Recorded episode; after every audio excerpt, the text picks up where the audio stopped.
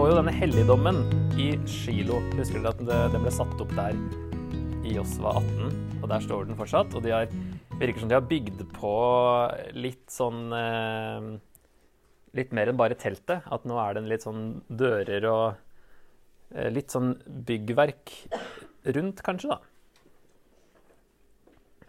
Og der står den eh, en stund til den blir ødelagt. Det st står ikke fortalt em, når den ble ødelagt, men Gud snakker om at han vil ødelegge den. Um, og Jeremia refererer tilbake til den, at uh, Gud kan ødelegge tempelet i Jerusalem sånn som han lot helligdommen i Shilo bli ødelagt. Så Gud har liksom ikke noe er ikke redd for å rasere sin egen bolig hvis folket er et annet sted. Så det skjer jo tre ganger. Hvis vi tar med den her, så er det tempelet i Jerusalem um, to ganger. Og så er det den her, da, i helligdommen i Shilo. Var det vi så at de satte det sånn noenlunde midt i landet. Som jeg lurte på kanskje var en parallell til at det hadde stått midt i leiren. Men i hvert fall her er vi nå når, vi åpner, når boka åpner. Og vi er jo i eh, dommertida fortsatt. Det er jo litt lurt å huske på, da. Og vi er liksom helt på bunnen av denne spiralen, sant? så verre og verre. Nå er vi liksom egentlig Det står ikke så veldig bra til da, med folket. Og i hvert fall ikke med prestene, som dere leste. Det er noen ordentlig korrupte prester, i hvert fall de sønnene til Eli, men han Eli er litt slack. Han burde ha stramma dem opp litt. Og han òg får eh, høre det av Gud, da. Så eh, Hanna kommer jo hit, og det er likheter her med flere i historien i Bibelen, da, og spesielt Rakel kanskje, tidligere, som også ble sjikanert av en medhustru, men som elskes mer av mannen sin, og som da ikke hadde barn først, men som Gud hører og gir et barn. Det er den samme historien. Det er veldig mange lignende historier sånn, da, med bråk innad i familiene, og noen får barn, og andre får ikke barn, og, eh, og at Gud liksom har styrt det der litt. Så de greiene der, det er liksom kjent tema. Um, det som er mest spesielt her, kanskje, er, eh, eller å legge merke til, er denne sangen, eller det er bønn, egentlig, da, i kapittel to, men eh, overskriften her er en lovsang. Den em, har jo likheter med Maria sin i Lukas 1. Der er det en ting f.eks. her med at eh, han fornedrer og han opphøyer. Altså Gud bringer lavt og høyt. Ned og opp. Det kan vi jo nå tenke peke fram på liksom at uh, Gud kommer til å eh, forkaste Saul, og så igjen så kommer David opp. Og så ikke minst altså, snakker hun om sin konge og sin salvede i vers 10. Han vil gi sin konge styrke og sin salvede stor kraft. Så her snakkes det om at en konge kommer. Det har de jo hørt om før. Det var snakk om konger eh, helt fra første Mosebok, at noen av Abrahams og Jakobs etterkommere eh, skulle bli konger. Og så var det første Mosebok 49 at en av Judas etterkommere skulle bli konge. Og så så vi Biliam i fjerde Mosebok snakka om en stjerne opp fra Jakob og en kongestav og sånn der. En hersker. Femte Mosebok så hadde de kongeloven. Hva en konge Når dere får en konge, hvordan skal han oppføre seg? Og så er det her eh, Her er det jo Ordet bak 'salvede' er jo ordet 'Messias'. Det må vi eh, få med oss. For det er et veldig viktig ord, spesielt i denne boka. Alle som er salvet i Bibelen, er egentlig messiaser. De kan kalles messiaser, alle sammen. Sånn at, eh, og her, her kobles de sammen da, i en parallell med konge og salvede. Konge og Messias, som egentlig betyr det samme. Så det er jo tema utover her nå, med at David blir den store kongen, men Saul er òg en Messias. Her er liksom helt i starten, nesten, av den eh, tanken om en eh, konge som kalles Messias. Um, så etter hvert så er det mange salmer som snakker om sant, herredømme over hele jorda, fred til evig tid. Sånne ting som blir liksom bare større og større tanke. Og så er det kanskje når de er i Babylon og ikke har noen konge lenger, at den forventningen om en, en stor Messias virkelig blir en greie, da. Før det så har de alle kongene som i sør, i hvert fall i Jerusalem, har potensial om å bli denne Messias. Men så dør alle sammen, og alle feiler. sant? Um, men ja, så det er en sånn slags prolog, det her da med Hanna og hvordan Samuel da blir født. Og blir dedikert til eh, tempelet. Eh, den, eller denne helligdommen da, i Shilo, og vokser opp der. Blir besøkt en gang i året av foreldrene sine, høres det ut som. Og eh, er liksom i, i Guds nærvær da, helt fra starten. Og Samuel blir i slutten av andre del av kapittel to så blir, eh, blir, han satt opp som en kontrast, klar kontrast til de her korrupte prestene. Eh, det står i vers 11 at Samuel gjorde tjeneste for Herren. Det er jo som rett etter den sangen til Hanna. Og så går det rett over til at eh, Elis sønner var ugudelige. De kjente ikke Herren. Prester som ikke kjenner Gud. um, fra vers 12 til 17. Synden var meget stor, står det. De viste ingen respekt for Herrens offer. Det leste dere om, at de uh, uh, truer folk til å gi dem uh, fettet osv., som var det de ikke skulle spise. Husker dere fra Tredje bok? Og så står det i vers 30 at de forakter Gud. Gud sier det. De som forakter meg, skal bli til skamme.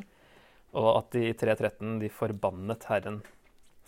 Så de her er uh, utrolig dårlige prester. Kontrasten er her, ikke sant? Gått fra Samuel, gjorde tjeneste, til prester som uh, gjorde det de kanskje trodde var tjeneste, men uh, hadde snudd på det ganske mye. Så tilbake igjen til, til, Samuel i vers 18. Samuel gjorde tjeneste for Herrens ansikt og vokste opp hos Herren, står det. Og så tilbake igjen til prestene. Da blir det enda verre. At de lå med kvinnene som gjorde tjeneste ved inngangen til helligdommen. De bryr seg ikke noen ting. Så de utnytter religionen til egen vinning. Folket reagerer, og Eli burde reagert mer. Ut fra vers 29 så sier Gud, 'Hvorfor ærer du dine sønner mer enn meg?' Hvorfor viser du forakt for mitt slakteoffer? Så han reagerer litt, men burde ha reagert mer. Og Gud ville at de skulle dø, står det. Kontrast. Samuel var til glede for både Herren og for mennesker. Og så slutter det med kapittel to at Elis slekt vrakes som prester. Og eh, første verset i kapittel 3 at Samuel gjorde nå tjeneste for Herren. Så den kommer igjen og igjen, at han gjorde tjeneste tre ganger. Og han var til glede for Herren. Så i en kjempemørk situasjon i landet, da, etter dommertiden, der det bare har gått nedover, og prestene er helt korrupte her, og en slakk og dårlig øversteprest, så kommer Samuel som en kjempekontrast til eh, det etablerte religiøse i landet. En rask oppsummering av kapittel 3. Der begynner jo Gud å tale til Samuel. Og der står det jo at Samuel vokser opp, og at alle budskap fra Herren stemte. Det står at han lot ikke noe falle til jorden, var det det? I eh, vers 19. Herren var med ham og lot ikke noen av hans ord falle maktesløse til jorden. Så liksom alt han sa av budskap fra Gud, viste seg jo å stemme. Det er sånn jeg tolker det i hvert fall. Og hele folket fra nord til sør forsto at Samuel var en profet for Herren, står det. Fra Dan til Bersheba. Det er uh, gammeltestamentlig for nord til sør. Så Dan er jo da flytta nord i dommerne, som dere kanskje fikk med dere. Um, og så Det Samuel sa, gikk ut til hele Israel, står det i begynnelsen av kapittel 4 her, da. Men det står som slutten til kapittel 3, det samme avsnittet. Så det var kapittel 3 kjapt. Og så handler det om at eh, kapittel 4 til 6, da er paktkisten som er hos filisterne i sju måneder. Og når de først taper denne kampen, og 4000 mann dør, står det i vers 2, står det videre, da folket kom tilbake til leiren, sa de eldste i Israel, Hvorfor lot Herren oss lide nederlag mot filisterne i dag? La oss hente Herrens paktkiste i Shilo, så han kan komme hit og være blant oss og redde oss fra fiendene våre. Så de har jo ikke Altså, hele, poen hele poenget alltid er jo Problemet er synd. Det er det som må komme først. Dere må omvende dere. ikke sant? Det er derfor det er feil at de bare går og henter paktkisten og tenker at nå går det bra, for Gud, eh, vi kan liksom bestemme litt over Gud, på en måte, da, ja, ikke sant? og skjønner ikke at hele problemet er korrupsjon og synd i folket. Um, så, men de, det spørsmålet de har, da, er jo uh, riktig. Hvorfor lot Herren oss lide? Men svaret er galt. Det, det, svaret er ikke å ta med seg paktkisten ut og ikke uh, skjønne at det er synd som er problemet.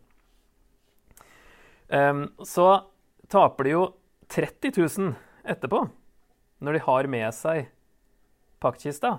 Så først 4000, og så 30 000, når de trodde de skulle vinne.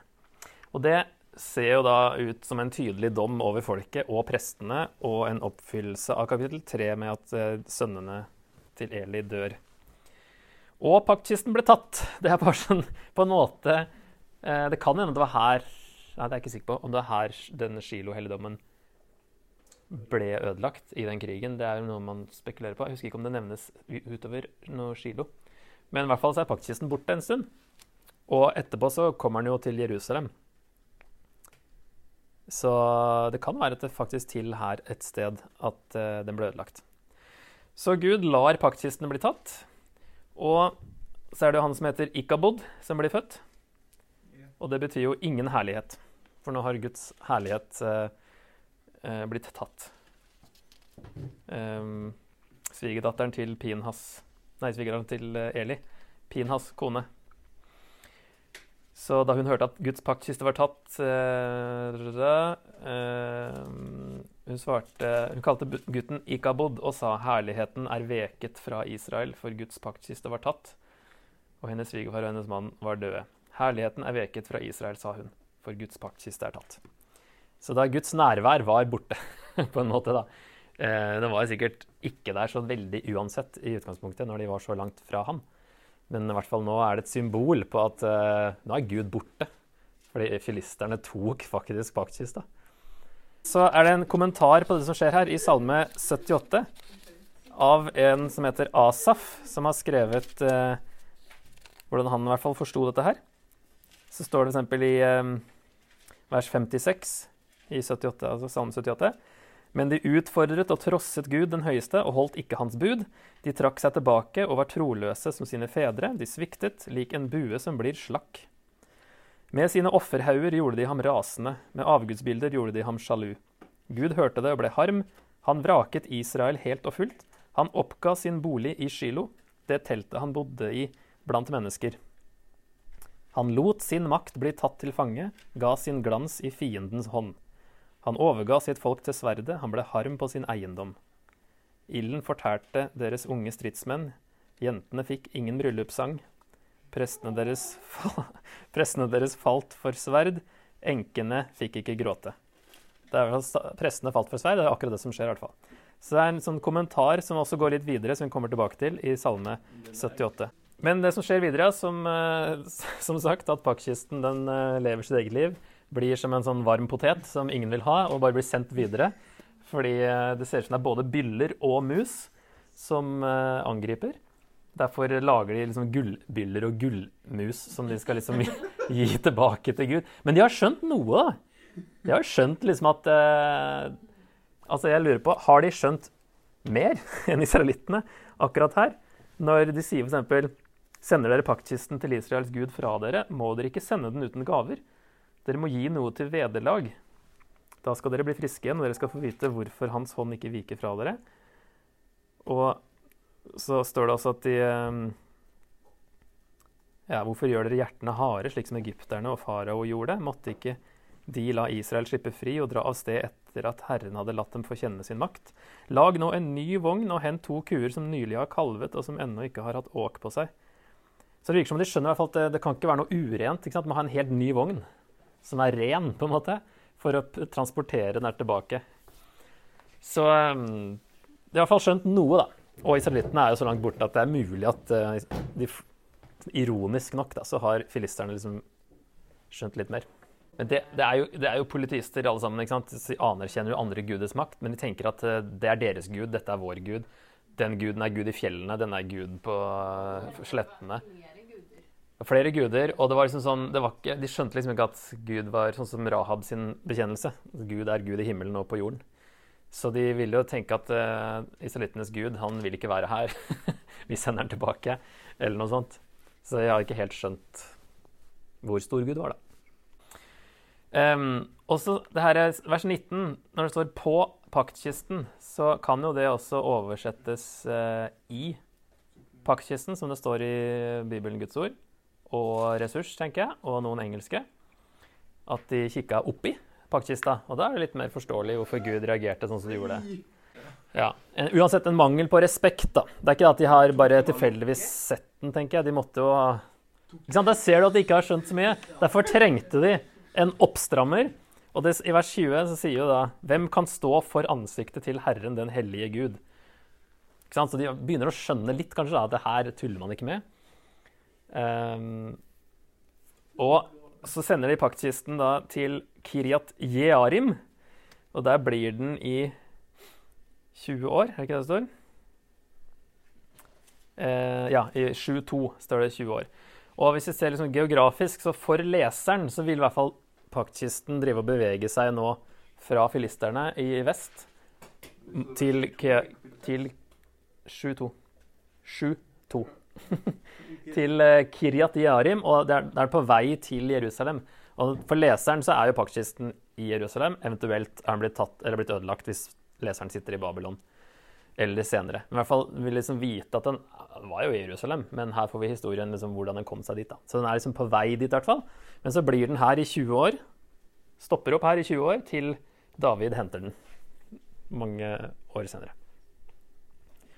20 år senere. Nå I kapittel 7 så skjer det i hvert fall en omvendelse ja, i folket. da, Og det er på en måte et sånt viktig eh, ja, vendepunkt. da. Her uh, har de innsett noe.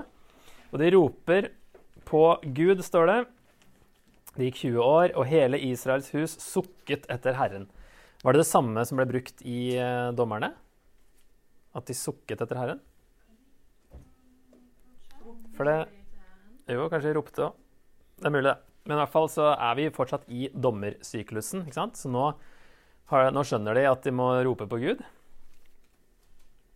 Så det kanskje var et poeng da, at paktkista ble borte. Det fikk dem til å uh, våkne opp litt. Nå kommer den tilbake, og så skjønner de liksom uh, at dette er litt uh, Ja, Gud, vi, vi, må komme tilbake til Gud, da. Og så um, samler Samuel eh, folket og sier at de må eh, Hvis dere vender om, eller vender dere om, så må dere få bort de fremmede gudene og astartebildene som er hos dere. Vend hjertet til Herren og tjen ham og ingen annen. Så skal han fri dere fra filisternes hånd. Så de kvitter seg med disse avgudene, står det, og eh, innrømmer sin synd. Så vi har syndet mot Herren, sier de i vers 6. Og så kvitter de seg da med avgudene. Det er jo et godt tegn. Ikke bare sier 'ja, vi har syndet', og så lar avgudene bli. De tar litt et ordentlig oppgjør med ting. Og så står det i vers 10 at denne dagen gir Gud dem en uh, stor seier mot filisterne. De ble angrepet, altså mens Samuel bar fram brennofferet, rykket filisterne fram til kamp mot israelittene. Men den dagen sendte Herren et veldig tordenvær over filisterne og gjorde dem så forvirret at de tapte for israelittene. Tydeligvis eh, en overnaturlig inngripen der. Og her kan vi også kikke litt videre i Salme 78. Der eh, kommentaren, vers 65 og 66. Ja, det er veldig fint når Bibelen kommenterer på seg selv. Da våknet Herren lik en som har sovet, står det. Lik en stridsmann drukken av vin. Av noen bilder på Gud, som ligger våkner som en soldat som var eh, litt ute. Han slo motstanderne tilbake og ga dem evig, evig skam.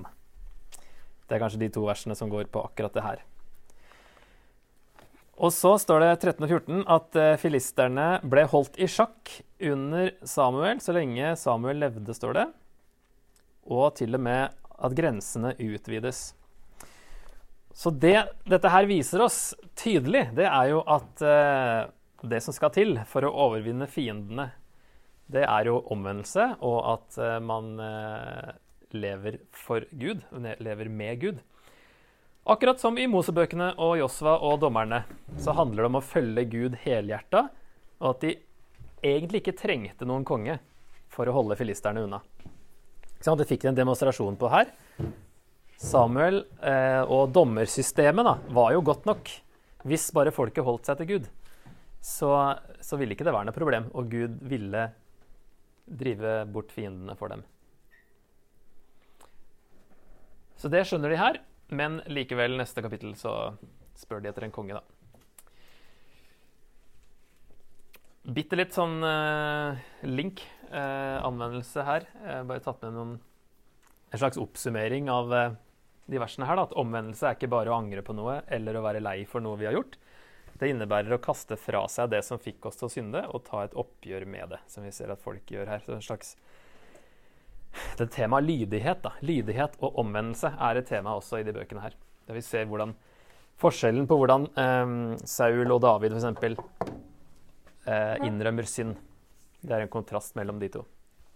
Og folket her innrømmer synd og gjør noe med det. Det er flere som bare innrømmer synd. Sånn som Akan også i Josva innrømte jo at han hadde tatt det. Men han angra ikke. Liksom. Han bare måtte etter hvert bare innrømme det. Ja, jeg har synda. Eh, og så et sitat fra eh, Bonhoffer her. Billig nåde. Han er kjent for det her med billig nåde. Da. Billig nåde er å forkynne tilgivelse uten omvendelse. Dåp uten kirkedisiplin. Nattvær uten bekjennelse. Synsforlatelse uten personlig bekjennelse. Billig nåde er nåde uten disippelskap. Nåde uten korset. Nåde uten Jesus Kristus, levende og inkarnert. Så billig nåde å forkynne tilgivelse uten omvendelse. Så her i kapittel 7 så ser vi en ekte omvendelse, i hvert fall. Så er det jo kapittel 8. Der ser du et uh, annet slags vendepunkt. Der uh, folket da ber om en konge. Um, I kapittel 12 så nevnes han ammonittkongen Nahash som en grunn til at de ville ha en konge. For han driver og lager litt bråk og angriper dem. Og Samuels sønner er eh, en grunn til at de ber om en konge. Og filisterne generelt, kanskje. For i 9.16 så står det i hvert fall at uh, Saul At kongen skal uh, Han skal fri mitt folk fra filisternes hånd. Det er liksom en sånn oppgave kongen får, er jo å fri dem fra filisterne, som er hovedfienden. da. Så det er kanskje litt flere grunner til at de, um, at de vil ha en konge. Men det er jo litt sånn eh, Sier jo litt, da, når de sier i vers 5.: Sett derfor en konge til å styre oss slik alle, alle de andre folkene har. Det er litt sånn her Vi vil være som alle andre. Um, det funker for de andre. Vi vil òg ha en konge. Sønnene dine er jo ikke gode uansett liksom, til å styre oss, så uh, gi oss en konge, da, sånn som alle andre har. Vi vil være som alle de andre folkene. I vers 20. Og hva skulle de ifølge Moseloven? Skulle de være som alle andre folkene? De skulle være helt annerledes enn alle andre folkene. Så de er ikke helt, Selv om det var omvendelse, omvendelse i kapittel 7, så har de ikke helt skjønt at de uh, virker det som da, at de skal være annerledes, og at det er Gud som er kongen deres. Det er det Gud sier. De har, de har ikke vraka deg og din familie, Samuel. De har vraka meg som konge. Det er meg de har forkasta, sier Gud. Så selv om Moseloven sa at de skulle være annerledes enn de andre. ja. De trengte ingen konge når de hadde Gud. Det har jo har de jo vist hele dommerboka, så har jo Gud vist at de trenger ingen konge. Så lenge de holder seg til han, så ordner det seg. Dommerne var Guds idé. Monarkiet var egentlig folkets idé. Og her er overgangen fra det som kalles teokrati, altså Guds styre, til monarki. Så eh, Gud det er ikke ideelt, men Gud tillater det. Og har jo, det har jo vært sant, frampek før at det kommer til å komme en konge. Men uh, Gud syns egentlig at uh, dommersystemet, det, det funker. Problemet er ikke systemet, det er synden. Og hvis kongen hadde fulgt loven, da, så ville det ikke sett så veldig annerledes ut, egentlig, å hatt en konge framfor en dommer. Men det er det som nå Samuel advarer folket og sier at eh, en konge kommer til å utnytte dere. Gud sier at greit, går med på det her, men fortell dem Advar dem mot eh, hva en konge kan eh, finne på å gjøre. Så det sier han der i kapittel 8. Og jeg tar et kikk på 5. Mosebok 17, denne som kalles kongeloven, så står det jo da hva kongen skal gjøre og ikke skal gjøre. Når du kommer inn i det landet Herren Gud gir deg, når du inntar det og bosetter deg der, og du så sier 'Jeg vil innsette en konge slik alle folkeslagene omkring meg har gjort', det er jo akkurat det de sier. sånn som alle andre. Da kan du innsette en konge, en mann som Herren Gud vil velge seg ut. En av dine landsmenn, det er første, skal du innsette som konge. Du må ikke ta en fremmed, en som ikke er din landsmann. Men kongen må ikke skaffe seg mange hester, og ikke sende sitt folk til Egypt igjen for å skaffe flere hester. Og det henger jo sammen med at Egypt var liksom storleverandøren av hester. Så de skulle ikke ha noe forbindelse til Egypt, for der var de fri fra. Så hester ville fort få dem i forbindelse med Egypt igjen. For Herren har sagt, dere skal aldri dra tilbake den veien igjen. Kongen skal heller ikke ta seg mange koner. Det er veldig lett når man er konge, bare gjør som man vil. Slik at han fristes til frafall. Kroneksempelet på det er jo Salomo, som begynner å bygge offerhauger til ikonenes uh, guder og sånne ting. For det var jo da mange religioner, andre religioner, som ikonene kom fra. Det, det, her kan vi ha litt i bakhodet når vi ser på hva David driver med utover. Litt, han er litt på kanten. Faktisk, Men Salomo er langt over kanten. ikke, han må ikke samle seg sølv og gull i store mengder. Når kongen har satt seg på tronen, skal han få laget en bokrull med en kopi av denne loven. Eh, skrevet av etter levittprestene. Han skal ha den hos seg og lese i den så lenge han lever, slik at han kan lære å frykte Herren sin Gud. Og han skal holde fast på hvert ord i denne loven og alle disse forskriftene og leve etter dem. Så han ikke, set, ikke i sitt hjerte setter seg høyere enn landsmennene sine, og ikke viker av fra budet, verken til høyre eller venstre. Da skal han og hans etterkommere ha kongsmakten i Israel i lange tider. Så kongen skulle ikke sette seg selv høyere, skulle ikke bare gjøre som han ville. Ikke oppføre seg som en typisk konge, er jo egentlig det. En skal være en annerledes konge i Israel. Um, Saul stryker i hvert fall på um, punkt fem, da, det med å holde seg til loven. Det siste. Det er fem ting her. Så han uh, kanskje greit på de første, men han, uh, han, holder seg ikke til loven og til Guds vilje, sånn sett. Um, David kommer vi tilbake til senere. Men hvorfor kaller Gud dette et frafall i 8.8 og en stor synd i 12.17?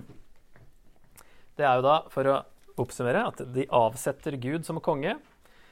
Dommersystemet krevde tro til Gud, og at de ikke trengte et stående militært forsvar. Det er jo det som skjer etter hvert når en konge vil lage seg en hær. Og så er det jo litt mer betryggende å se at vi har en hær, i tilfelle det kommer noen fiender. Istedenfor at man må stole på Gud, at Gud reiser opp en dommer, gir han kraft og styrke, og eh, det ordner seg med Guds hjelp. Så det er det her med verdslig sikkerhet opp mot tro på Gud.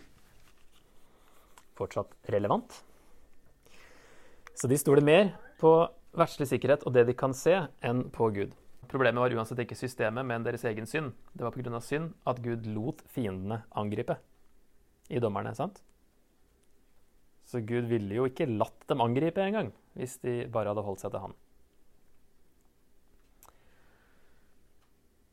Så spørsmålet er, da, for en liten sånn pause Vil vi være litt for mye som alle andre? Vil vi være litt for mye som alle andre? Um, her står det forresten uh, When people are free to do as they please, they usually imitate each other. Så det er ofte lettere å stole på det vi kan se, enn på Gud. Når kan vi bli for opptatt av verdslig sikkerhet på bekostning av Gud? Og et sitat av John Stott. Mange moderne kristne er så ivrige etter å være relevante til sin kultur at de tar til seg verdens måte å tenke på. I stedet for å bli salt og lys for verden, blir vi ofte lik verden og trenger lys og salt selv. Hvordan kan vi unngå å bli som alle andre?